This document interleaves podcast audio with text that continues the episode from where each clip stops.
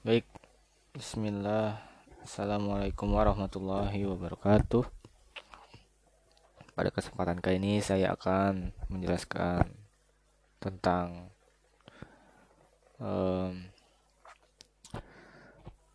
Analisa landasan hukum, posisi sekuritas, manajemen investasi dan manajemen investasi dalam pembelian saham dan reksadana. Dalam tinjauan fikih. Baik, yang pertama itu adalah landasan hukum. Ya, landasan hukumnya itu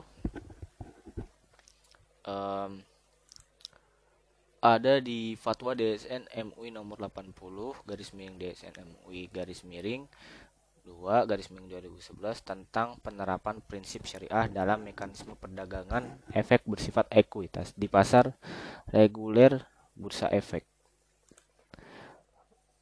um, tidak hanya itu ada lagi dari fatwa DSN MUI nomor 20 garis miring DSN MUI garis miring 4 garis miring 2001 tentang pedoman pelaksanaan investasi untuk reksadana syariah. Baik, um, teman saya akan menjelaskan tentang pengertian reksadana syariah terlebih dahulu. Um, Secara bahasa reksadana itu tersusun dari dua konsep yaitu reksa yang berarti jaga atau pelihara dan konsep dana yang berarti himpunan uang. E, dengan e, maka dari itu secara bahasa reksadana berarti kumpulan uang yang dipelihara. Reksadana atau mutual fund adalah wahana yang digunakan untuk menghimpun dana masyarakat atau pemodal untuk e, kemudian dana itu diinvestasikan ke dalam portofolio efek oleh manajemen manajer investasi atau MI. Uh, eh, portofolio efek itu bisa disebut juga saham, obligasi, instrumen pasar uang, atau kombinasi, atau kombinasi dari beberapa di antaranya. Um, kemudian uh, saham. Saham itu sendiri merupakan surat berharga keuangan yang diterbitkan oleh suatu perusahaan saham patungan sebagai suatu alat untuk meningkatkan modal jangka panjang.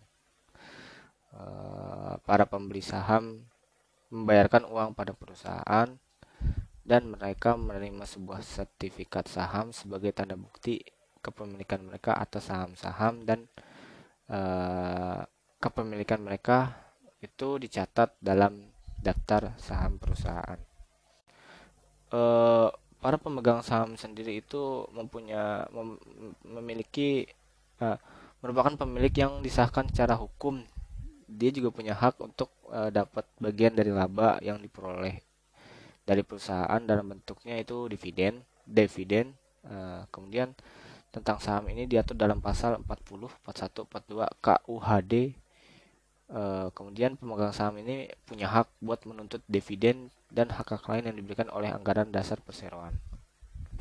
Uh, Undang-Undang Pasar Modal nomor 8 tahun 1995 pasal 1 ayat 27 uh, yang uh, yang menjelaskan bahwa reksadana itu adalah wadah yang digunakan untuk menghimpun dana dari masyarakat pemodal kemudian uh, dana tersebut diinvestasikan dalam portofolio efek oleh manajer oleh manajer investasi.